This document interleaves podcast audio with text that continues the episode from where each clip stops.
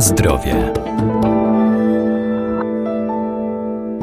Jedzenie w odpowiednich ilościach i proporcjach oraz codzienna aktywność fizyczna to podstawa dla zachowania zdrowia. Ważne jest jednak nie tylko to, co zjadamy, jak często i w jakich ilościach, ale także jakość tych posiłków. Najlepiej sięgać po produkty naturalne, nieprzetworzone.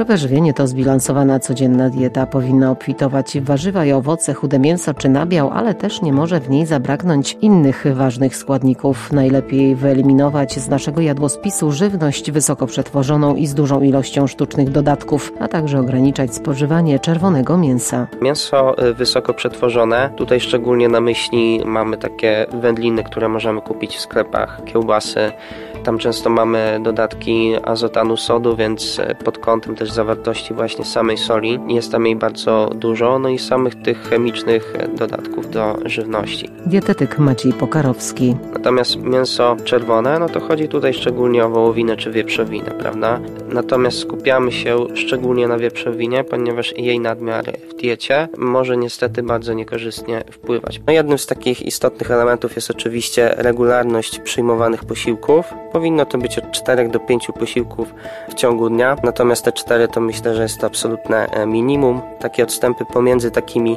posiłkami to od 3 do 4 godzin. Usprawnia to pracę przewodu pokarmowego, przez co spożywając tak 2-3 posiłki, niektórzy niestety mają taką tendencję, no to dodatkowo ten układ trawienny jest wówczas obciążony. Natomiast ta regularność e, przyjmowanych posiłków no w jakiś sposób zabezpiecza przed e, tym zjawiskiem.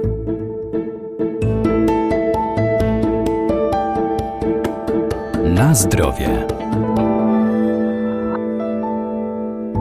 Wciąż największym zainteresowaniem cieszy się dieta śródziemnomorska. Dieta śródziemnomorska jest e, dietą, która tak naprawdę najbardziej popularna była i jest w regionie basenu Morza Śródziemnego. Stąd też nazwa tej diety dieta śródziemnomorska. Jest ona nazywana dietą zdrowego serca z tego względu, że kiedyś zauważono, że osoby, które no, stosują tą dietę, mają e, no, najmniejsze ryzyko zachorowania na chorobę niedokrwienną serca. Jeśli chodzi o założenia tej diety, to no, ona w szczególności opiera się na dużym spożyciu produktów roślinnych, czyli na dobrą sprawę warzywa, owoce, nasiona roślin strączkowych, produkty zbożowe pełnoziarniste i orzechy. Są to w szczególności te grupy produktów, których spożycie w codziennym żywieniu jest bardzo wysokie no i jeśli chodzi o takie źródła białka też w żywieniu, no to będziemy mieli umiarkowane spożycie produktów mlecznych, czyli znowu też nie będą to produkty mleczne, które będą zawierały dużo tłuszczu, natomiast będą to produkty odtłuszczone. Umiarkowane spożycie czerwonego mięsa, zmniejszenie tego spożycia,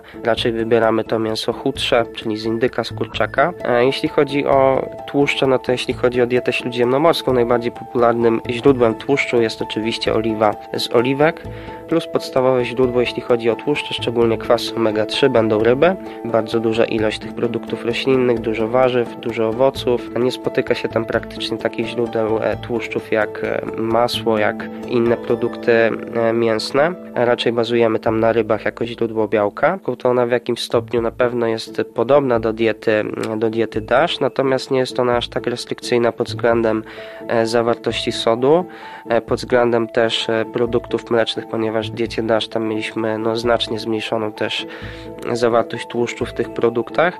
E, no i mamy ten dodatek e, umiarkowane spożycie czerwonego wina. Natomiast inne założenia w zasadzie są e, bardzo podobne. No jeśli chodzi o tą dietę śródziemnomorską, ona również dodatkowo często jest nazywana no, jednym z najzdrowszych modeli żywieniowych na świecie.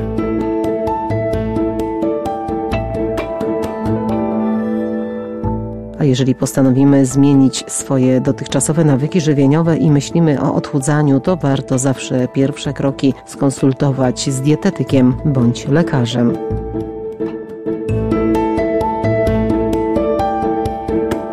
Na zdrowie.